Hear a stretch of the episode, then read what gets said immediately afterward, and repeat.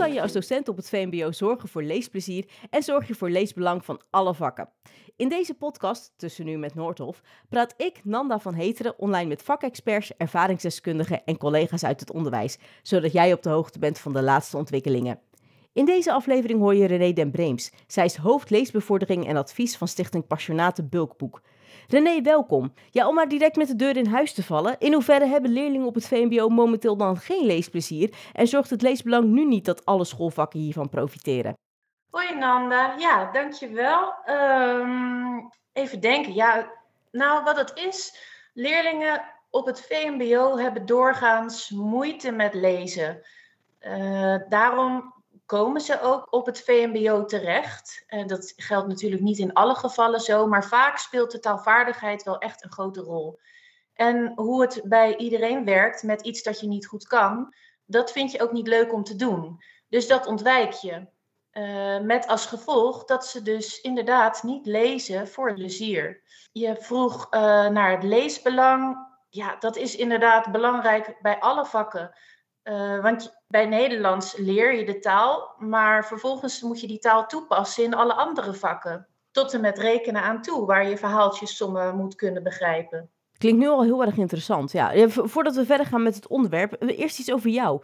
Wie ben je en wat houdt je werk precies in als afdelingshoofd van Passionate Bulkboek? Mijn naam is dus uh, inderdaad René den Breems. Mijn werk als afdelingshoofd houdt in dat we met docenten in gesprek gaan. Van oudsher is Passionate Bulkboek een organisatie die allerlei programma's aanbiedt. En dat doen we inmiddels al zo'n 27 jaar met veel succes, met een trouwe achterban die heel enthousiast is over onze programma's. Maar het zijn allemaal programma's die een aantal lessen betreffen. Um, wij hadden op een gegeven moment zoiets van: misschien is dat niet genoeg. We hebben het idee dat docenten meer handvatten zouden willen hebben. En dat doen we in ieder geval al heel lang, iedere twee jaar, door een symposium te organiseren in de Doelen, de Dag van het Literatuuronderwijs. Maar dat is eens in de twee jaar. En we willen dat eigenlijk vaker doen. Dus toen kwam het idee, we richten een nieuwe afdeling op, leesbevordering en advies. En vanuit die afdeling gaan we het gesprek met docenten aan om te inventariseren waar hebben jullie nou precies behoefte aan. En dat is, eh, dat is eigenlijk uh, nou ja, waar ik mee bezig ben met een team van heel enthousiaste adviseurs. We hebben een adviseur in het MBO die vooral uh, intensief optrekt met het Albeda en Zatkine, de twee grootste ROC's in Rotterdam. Daarnaast hebben we ook een adviseur in het voortgezet onderwijs.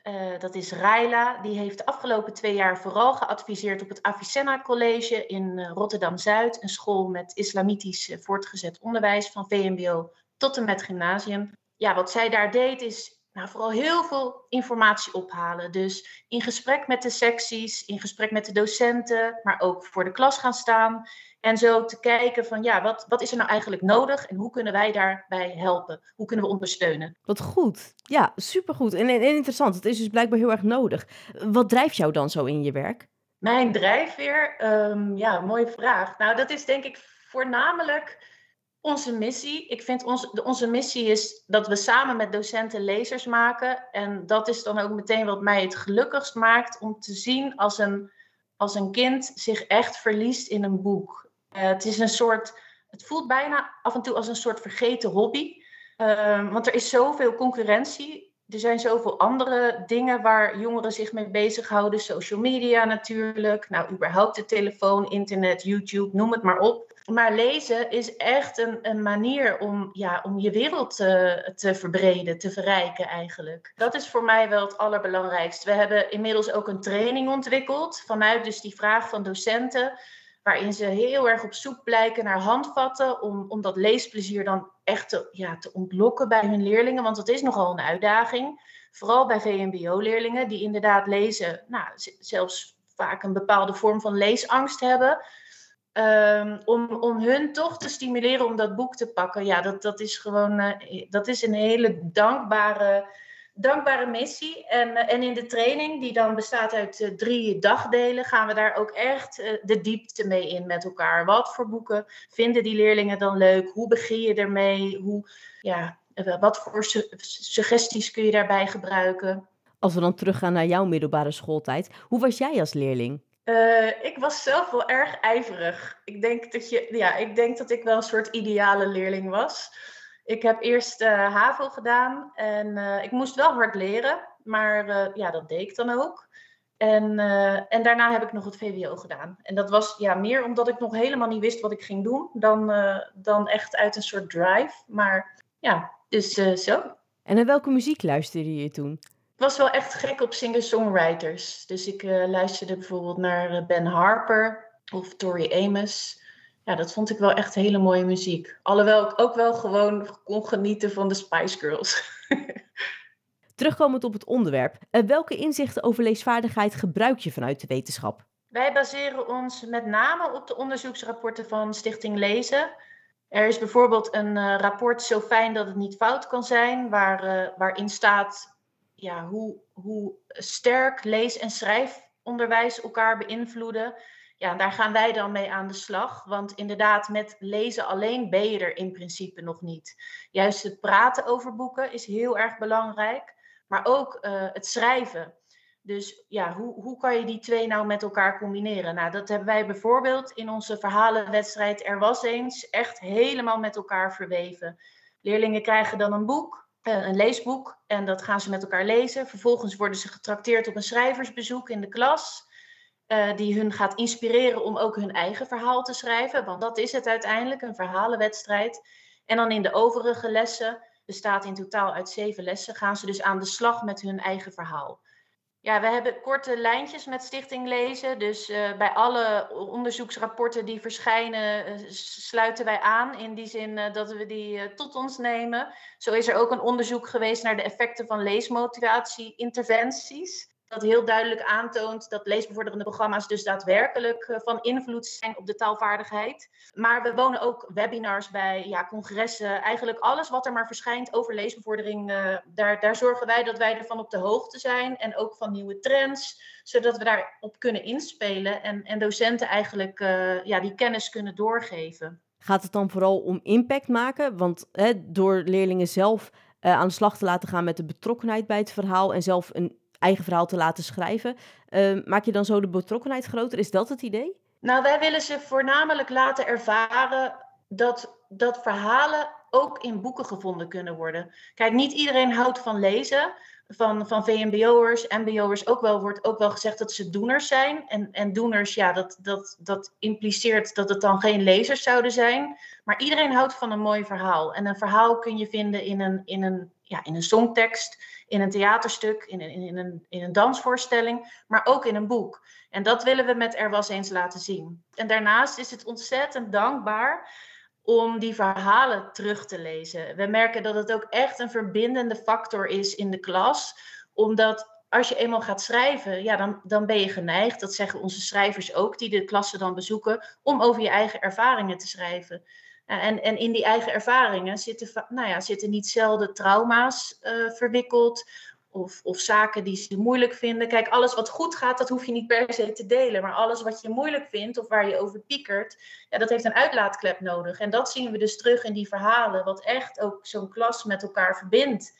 En waardoor de docenten leerlingen beter leert kennen. Wat is dan diep lezen precies en, en hoe kan je dat als docent stimuleren? Diep lezen is eigenlijk het, het langere tijd achtereen geconcentreerd lezen.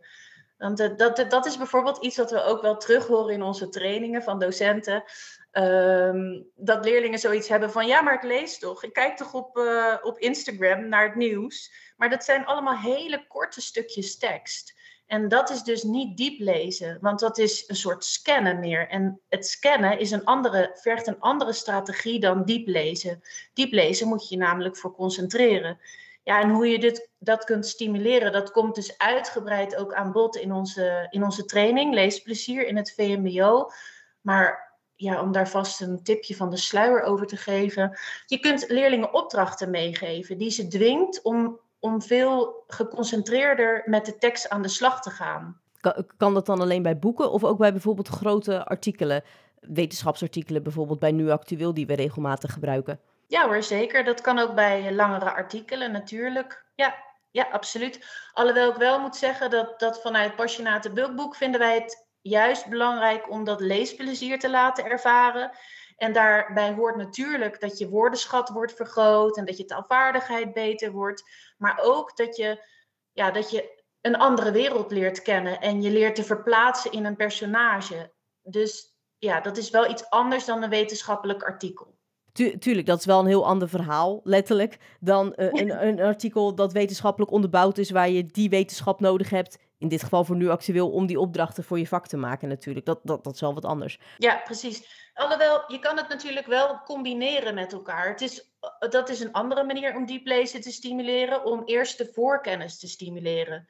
Dus ze echt al betrokken te maken voordat ze beginnen met dat lezen. En ja, om, in, in het kader van die voorkennis zou je wel een wetenschappelijk artikel kunnen inzetten om dat eens met elkaar te bestuderen. Maar dan moet het wel aansluiten op het boek. Ja, duidelijk. Leuk, leuk, leuk. Je had het net ook al kort over leeskilometers. Hoe, hoe zit het daarmee en, en hoe heeft dat dan effect op de leesvaardigheid? Ja, hoe, ja, dat is eigenlijk heel simpel. Hoe meer je leest, hoe makkelijker het wordt.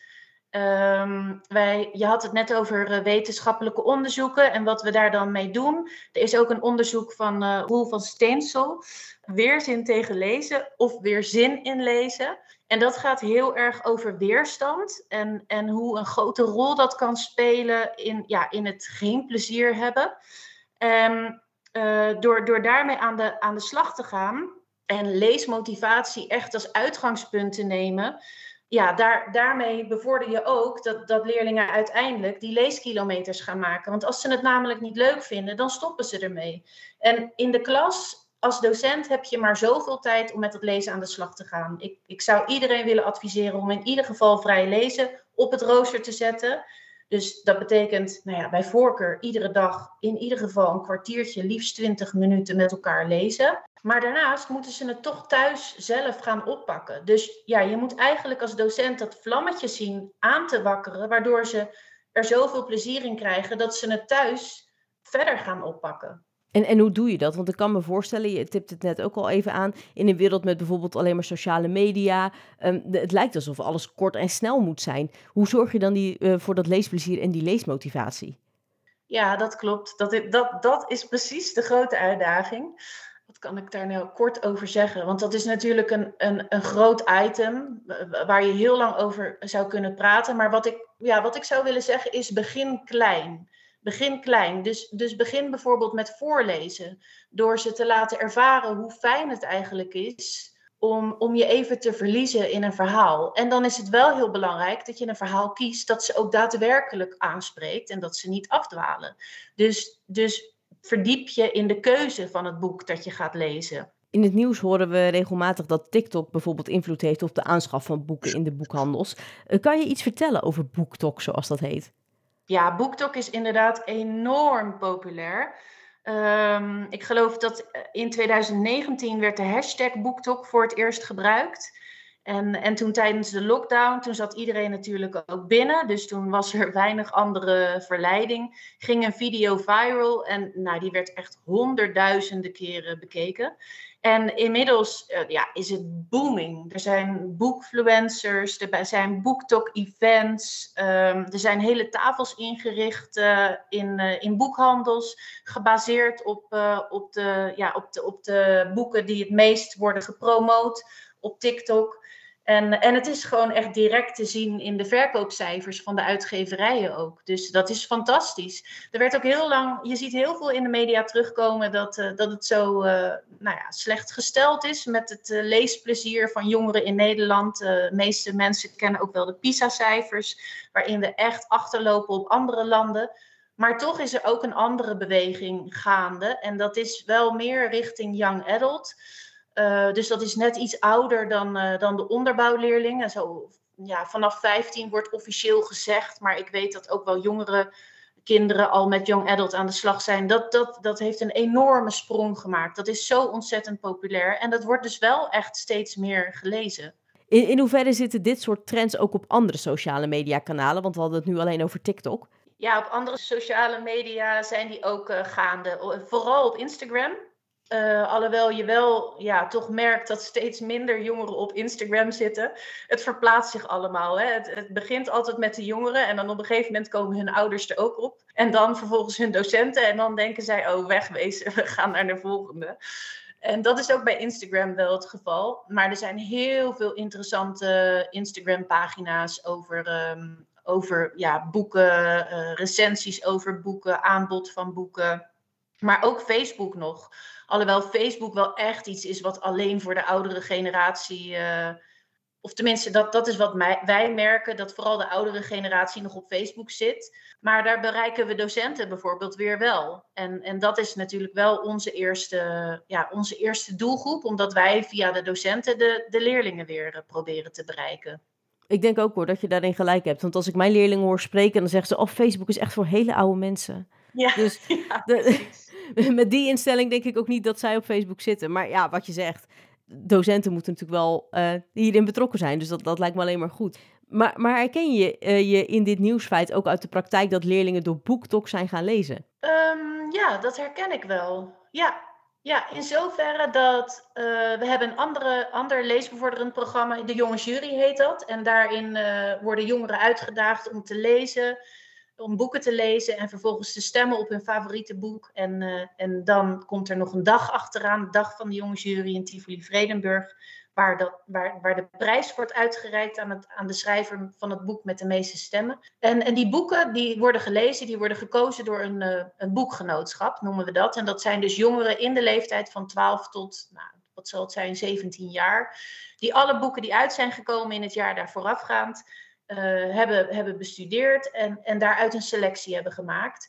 En zij baseren zich ook op BookTok. En zij zitten op BookTok. En zij zijn ermee bezig. En ze willen graag naar die BookTok-events. Dus ja, het speelt enorm. Maar ik merk ook dat docenten ook erop anticiperen. En ook al filmpjes aan het maken zijn om hun leerlingen te bereiken. En, en werkt dat?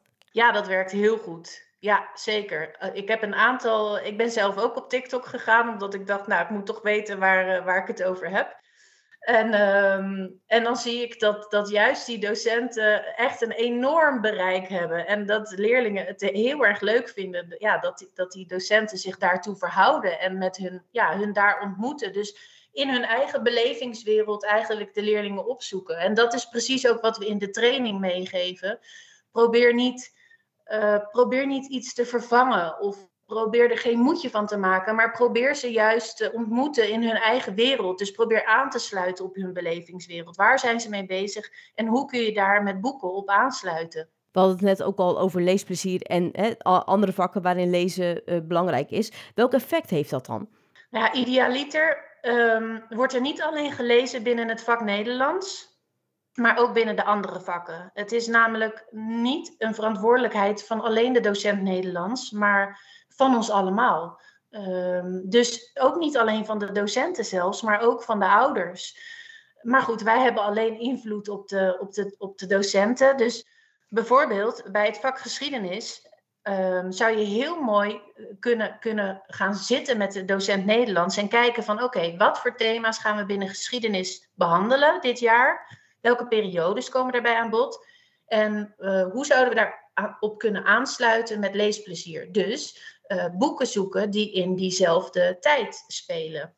Nou, daar kijken we ook wel steeds meer in mee met scholen om, uh, om inderdaad ja, die samenwerking uh, tot stand te brengen. En vervolgens hebben wij dan de boekkennis om, om te zeggen van nou, uh, ben je met uh, de prehistorie bezig, lees dan bijvoorbeeld De Offerkind van Rob Ruggenberg. Je had het net al wel een beetje gezegd, maar misschien heb je nog meer werkvormen. Welke werkvormen gebruik je hoe je lezen- en schrijfonderwijs betekenisvol kan combineren met elkaar? Werkvormen die wij gebruiken om het schrijven te stimuleren, uh, hangen, ja, hangen per definitie wel samen met het lezen van een boek. En dat baseren we dan het liefst op een boek dat, dat uitgelezen is. En, en een hele mooie werkvorm vind ik bijvoorbeeld het schrijven van fanfiction. En dat is ook een enorme trend onder jongeren. En, en fanfiction wil eigenlijk zeggen dat, dat je de personages uit een boek gebruikt voor een eigen verhaal. En dan kan je denken aan uh, bijvoorbeeld een vervolg van het boek dat je hebt uh, gelezen. Of misschien wel een heel nieuw avontuur van de personages uit jouw boek. Maar je kunt ook kortere opdrachten geven, zoals, um, ja, ik noem maar wat. Uh, geef een compliment aan de schrijver. Um, wat zou je de schrijver willen meegeven? Of wat zou je hem nog willen vragen? Wat is je nog onduidelijk uit het boek? En dat is meteen ook een hele mooie vorm om, om ja, op een hele laagdrempelige manier um, te bekijken of, of een leerling een boek heeft gelezen, in plaats van soort controlevragen te gaan stellen, die, die helemaal niet leesbevorderend zijn. Want ja, dat, dat, dan heb je een soort goed of fout. En, en dat is niet prettig, dat is niet motiverend. Maar door deze manier weet je ook of een, in hoeverre een, een leerling een boek echt tot zich heeft genomen. Uh, hoe, hoe zie je dat dan in, in de antwoorden? Want ik kan me voorstellen dat een, een hoofdpersonage in een ander avontuur ja, wel dezelfde karaktereigenschappen heeft, maar die maakt wel iets anders mee. Dus die reageert misschien ook wel op situaties anders en heeft hopelijk ook geleerd. Ja, dat klopt, dat klopt. Dat, dat zou zomaar kunnen. Dan is toch het meest waardevol om met elkaar te gaan praten over de boeken. Dus ja, het, het schrijven is één ding, maar het praten is minstens zo, uh, zo bevorderend als het gaat om taalvaardigheid. En ook vooral om leerlingen te leren om uh, te reflecteren, dus uit te leggen waarom ze iets vinden. Dat is ook een van de, over het PISA-onderzoek waar ik het eerder over had. Er zijn ook best wel kritische geluiden over dat PISA-onderzoek, want daaruit wordt heel makkelijk geconcludeerd: onze jongeren lezen niet en dat is echt verschrikkelijk. Uh, en het is niet goed gesteld met de taalvaardigheid. Uh, maar het, is, het ligt genuanceerder, want er zijn heel veel vormen van, van die taalvaardigheid die jongeren uh, moeten leren en kunnen inzetten. En als we het bijvoorbeeld hebben over informatie opzoeken, dat gaat bij onze jongeren echt perfect. Dat gaat prima. Um, maar als je het hebt over het analyseren of reflecteren op, dat is juist het probleem. Dus dat is ook ja, wat je zou moeten stimuleren. En dat is dan wel weer iets wat ik eerder zou terugzien uh, in een gesprek. Want dan kun je nagaan van, hey, heeft, heeft, heeft hij eigenlijk het verhaal wel begrepen? En, en zo niet, uh, hoe, zou dat komen? Wat heeft hij eruit opgemaakt? Het belangrijkste in gesprekken is eigenlijk, maar dat is ook meteen het meest uitdagende, uh, dat er geen goed of fout is. Je moet, in, idealiter nodig je juist de leerling uit om te praten en hou je zelf wat meer afstand. Maar dat is ook meteen heel spannend voor een docent. Want ja, daarmee kan het gesprek dus alle kanten op gaan. Dat lijkt me juist ook heel erg leuk. Omdat je, uh, je hebt natuurlijk allemaal één boek gelezen in de, in de klas. Uh, en, en als je dan, waar we het net over hadden, hè, een, een, verhaal hebt over fanfiction. Ja, dan gaat de ene persoon ja. daar heel anders mee om dan de andere leerling. Uh, dus dan hoor je toch denk ik heel veel verschillende elementen uit het boek. Met eigen ervaring misschien gecombineerd en trauma's waar je het eerder over had. Um, die zich dan tot een heel nieuw verhaal ontpoppen. Klopt, klopt. Ja, zeker. Inderdaad. Deze podcast die begon met de vraag hoe je als docent op het VMBO kan zorgen voor leesplezier en hoe je voor leesbelang over alle vakken heen kan zorgen. Deze vraag heb je al deels beantwoord, maar nog niet helemaal. Dus mijn vraag is, hoe doe je dat? Ja, ik zou adviseren om uh, het leesplezier, het bevorderen van lezen breder te trekken dan het vak Nederlands. Dus ga met z'n allen om de tafel zitten met het hele team en bekijk hoe je dat breed kunt implementeren. En een van de tips die ik daarbij zou kunnen geven is, ja, begin de dag met lezen, uh, ongeacht welk vak dat dan is. En wanneer er dan gelezen wordt, zorg dan dat je als docent zelf ook aan het lezen bent. Want ik, ik snap hoe ja, hoe verleidelijk het is om dat, om die, om die, uh, om dat kwartiertje of die twintig minuten te gebruiken om wat nakijkwerk te doen. Maar daarmee laat je niet zien hoe prettig het is. En het werkt echt zo, ja, do docenten zijn rolmodellen. Dus laat zien hoe, fijn het is om, om te lezen. En, uh, en zorg voor voldoende inspiratie. En ga ook het gesprek aan. Dus hebben ze eenmaal een boek gekozen, maar hebben ze er spijt van? Laat ze het dan niet ongeacht wat uitlezen, maar probeer te ontdekken waarom ze het niet leuk vinden. Laat ze het wegleggen en zoek samen iets nieuws uit. En ja, wat ik eerder al benoemde, uh, uh, probeer ook vakoverstijgend te kijken wat, wat betekenisvol zou kunnen zijn. Dus, dus ga bijvoorbeeld, um, kies een thema uit met elkaar. En dat kan, dat kan vanuit een vak worden gekozen, zoals geschiedenis of, of aardrijkskunde over een bepaald deel van de wereld. Maar dat kan ook op basis van de actualiteit. Wat, wat speelt er nu? nou, er, is nu een vreselijke oorlog aan de hand. Ja, hoe kan je daarop aansluiten met, met mooie boeken die, die over datzelfde thema gaan? Wat misschien wel troost kan bieden of gesprekstof om het met elkaar erover te hebben. Heb je ook drie concrete tips, behalve samenlezen en lees zelf mee, eh, die docenten al morgen kunnen inzetten binnen hun vak om het leesplezier te stimuleren? Wat ik in ieder geval heel belangrijk vind, is dat brede boekenaanbod. Dus niet alleen verhalende boeken, maar er mag wat ons betreft ook non-fictie tussen zitten. Er mogen ook graphic novels tussen zitten. Eh, als ze het echt nog heel spannend vinden, eh, mogen ze desnoods beginnen met een strip. Zorg voor een breed aanbod. Je kunt ook beginnen met een mooi gedicht. Ieder, iedere dag een mooi gedicht voorlezen. Mediatheek op school, heel erg belangrijk. Uh, een, een, tafel waar boeken mooi op staan gepresenteerd. Dus ja, niet alleen een boekenkast waar de boeken in staan, maar zorg ook dat het er aantrekkelijk uitziet. Zorg ook dat het ja, regelmatig dat er regelmatig naar gekeken wordt. Dat het geen stoffige bende wordt, maar dat het ja, iedere keer weer toch een beetje anders eruit ziet. Dus het gaat er eigenlijk om dat je vooral uh, samen leest, uh, de leerlingen daarmee aan de gang laat gaan, dat je ze een boek laat kiezen of desnoods opnieuw laat kiezen uh, wat ze zelf graag willen. En dat je ook in de mediatheek en dergelijke de presentatie echt top houdt, zodat het uitnodigend is om, om een leerling te laten lezen. Ja, ja zeker. Ja, en, en betrek ook, eh, ik bedoel, het internet en, en uh, de telefoons worden vaak als een, uh, als een concurrerende factor beschouwd. Maar je kunt het ook inzetten. Er zijn zoveel hele waardevolle um, internetwebsites waar informatie gevonden kan worden, wat heel aansprekend is, waardoor jongeren in korte tijd eigenlijk heel veel over een boek, boek leren. Er is een mooi initiatief, Boek voor Nederlands, bijvoorbeeld, waar. Um, waar een soort korte boektrailers worden gegeven, waardoor ze eigenlijk in heel korte tijd uh, ja, weten waar een boek over gaat. Maar besteed ook aandacht hoe ze een boek op de juiste manier kiezen. De meeste leerlingen zijn geneigd om ja, alleen te kijken naar de, naar de kaft. En, en misschien dikte is ook een belangrijke. Maar Um, je kunt ook het boek eens openslaan, een stukje lezen, kijken of het je aanspreekt. Uh, kijken hoeveel wit er tussen de regels uh, staat, of het in alinea's is opgedeeld of dat het één lange tekst is. Je kunt een recensie opzoeken, een boektrailer opzoeken. Nou ja, noem het maar op. Het zijn allemaal dingen die misschien vanzelfsprekend zijn voor, voor een docent of voor, voor ons. Maar voor ja, een kind moet het allemaal nog leren. Heb je dan ook de gouden boekentip voor onze leerlingen? Ah, als die er zou zijn. Uh, dat zou mooi zijn. Nee, ja, lezen, lezen is echt maatwerk. Dus het is heel belangrijk om, om uit te vinden waar die leerling mee bezig is en waar zijn interesse naar uitgaat. En vervolgens daarop te gaan zoeken wat past daarbij. Uh, maar ik heb wel een heel mooi boek gelezen onlangs en dat uh, heet Zolang de citroenbomen bloeien van uh. En um, dat gaat over, een, over Salama, een, een, meisje in, in Syrië dat ja, opgeleid wordt tot apotheker. En dan breekt de oorlog uit en moet ze in het ziekenhuis gaan werken. En het boek vertelt eigenlijk het verhaal over haar, ja, haar innerlijke strijd met te willen vluchten aan de ene kant. Uh, om, omdat het een uitzichtloze situatie lijkt. En aan de andere kant te kiezen voor haar vaderland en, en dat te dienen door te helpen in het ziekenhuis. En dat is zo prachtig verwoord. En het, is, het lijkt, als je het ziet, het heeft een prachtige kaft, een prachtige omslag, maar het is best wel dik. En, en qua bladspiegel is het misschien niet het meest aantrekkelijk.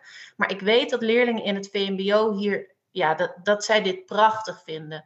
Ik heb de, de training voor het eh, VMBO samen ontwikkeld met eh, Caroline Wisse. Zij is onderwijsontwikkelaar en, eh, en docent op een VMBO-school. Al, al, nou, ik denk al wel twintig jaar docent. Heel veel ervaring. En haar leerlingen smullen van dit boek. En het is dan misschien wel een beetje moeilijk. Maar omdat het onderwerp zo pakkend is, zo prachtig beschreven is, willen ze het toch uitlezen. Ja, en ik denk dat moeilijk niet per se hoeft ervoor te zorgen dat het tegenhoudt, toch? Ze kunnen er juist heel veel van leren. Of als ze de essentie begrijpen. En, en zo te horen ook ja, eh, het gevoel, hè, wat je zegt, dilemma waar, waar de hoofdpersoon in zit. Absoluut, absoluut. Ja, en sterker nog, het is juist, iedereen haalt iets anders uit een verhaal. En het kan dan ook heel mooi zijn om, um, nou, stel dat, dat, die, dat die leerling dit boek over tien jaar nog eens leest, dan haalt hij er waarschijnlijk heel andere dingen uit. En datzelfde geldt voor ons ook. Er wordt mij wel eens gevraagd, wat is, wat is je lievelings uh, jeugdboek? En, en laatst dacht ik van, laat ik dat jeugdboek dan maar weer eens herlezen. Want dan weet ik tenminste weer eventjes waar het over ging. Want het is meer een gevoel dat me is bijgebleven dan dat boek zelf. En toen ging ik dat boek opnieuw lezen. Nou, en ik haalde er heel andere dingen uit dan als klein meisje. Maar blijkbaar ja, ervaar je dat als meisje toch ook al dat je wel voelt dat je het heel mooi vindt, maar het misschien nog niet helemaal kan duiden. En dan later, ja, weet je dat veel meer te plaatsen en, en krijgt het een hele nieuwe betekenis daardoor. Het is alleen maar mooi.